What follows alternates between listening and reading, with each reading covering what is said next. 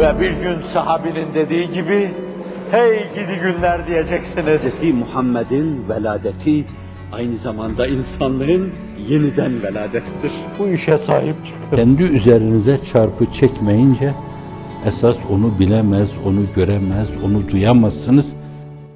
Şimdi Cenab-ı Hak evvela kalplerimizi o türlü iştiyakla mamur kılsın. Bizi aşkın, sevdanın, iştiyakı Allah'ın delisi haline getirsin. Kendi kendime söz vermiştim. Hayatı kıtmiranenin sonunda daha ziyade münacat ve naat yazmayı. Öyle şiirde kabiliyetim olduğu söylenemez. Ama herkesin kendine göre bir dırdırı, bir mırmırı vardır. Şiiri de kirletmiş olabilirim, naatı da kirletmiş, münacatta kirletmiş olabilirim.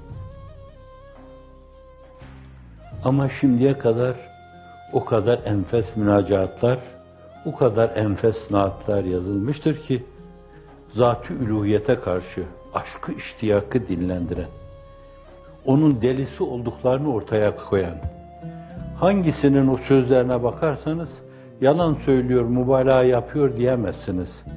Onu, o bir sevda delisi şeklinde Mecnun gibi görürsünüz.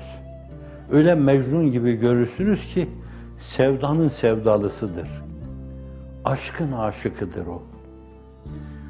Ne dediğinin, ne ettiğinin farkında değildir.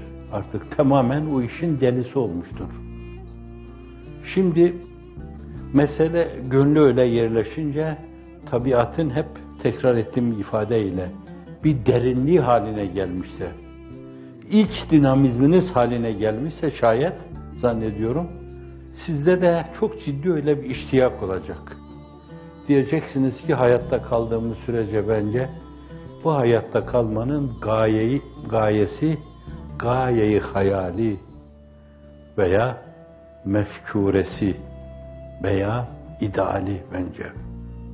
Bize göre en ideal insan kendini düşünmeden, kendi rahatını düşünmeden, aile efradının mutluluğunu, rahatını düşünmeden insanlık adına bir şeyler yapıp ortaya koyma mefkuresi gayeyi hayalidir.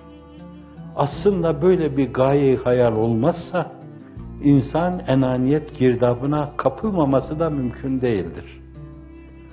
İşte Hazreti Üstad'ın bu mevzudaki beyanı gayeyi hayal olmazsa yani öyle yüksek bir duyguya, bir düşünceye, bir meseleyi realize etmeye kilitlenmemiş iseniz şayet.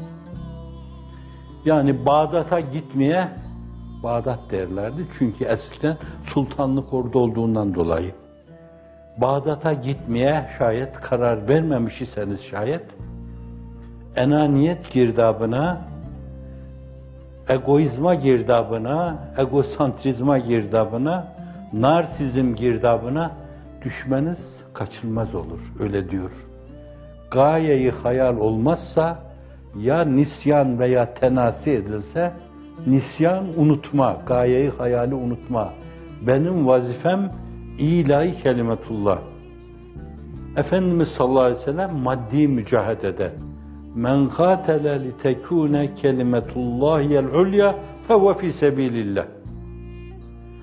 Günümüzde bu meseleyi ifade edecek olursak men cahede li tekune kelimetullahiyel ulya fehuve fi sebilillah. Namı celili ilahi her yerde anılan bir şey haline, şehbal açan bir bayrak haline gelmesi istikametinde tamamen o duyguya kilitlenmiş, o gayeyi hayale kilitlenmişse şayet zannediyorum onun da başı dönmez, bakışı bulanmaz, sağa sola takılmaz. Biri gelse ısırsa, öbürü çelme atsa, öbürü bir elenseye kalkışsa, öbürü bir kündeye girişse, bunların hiçbirini görmez, yürür. Vire Bismillah deyip durdursalar yine yürür, yine yürür, yine yürür, öbürü de arkadan yürür. gayeyi hayal olmazsa ya nisyan veya tenasi edilse unutulacak gibi değil. Tefavül kipinden ishar maalesef bil batın manasına. Ya unutulacak gibi değildi bu ama fakat hani eski tıpta kullanırlardı temarüz. Maraz hastalık demek. Temarüz hasta görünme demektir. Böyle bir rapor koparmak için hasta görünür, uf başım, o kasıklarım, o falan filan der. Buna eski hekimler dillerinde temarüz derlerdi, şimdi ne diyorlar bilmem. Teami de o demektir. Ya nisyan veya tenasi, teami, unutulmuş gibi bir şeye tabi olursa, bir muameleye tabi tutulursa, ezhan enelere döner ve etrafta gezer. İnsan egoizmanın korkunç akıntılarına kapılır ve bir daha da o kahredici akıntıdan sahili selamete çıkamaz. Dünya deyip arkasından koşanların çıkamadıkları gibi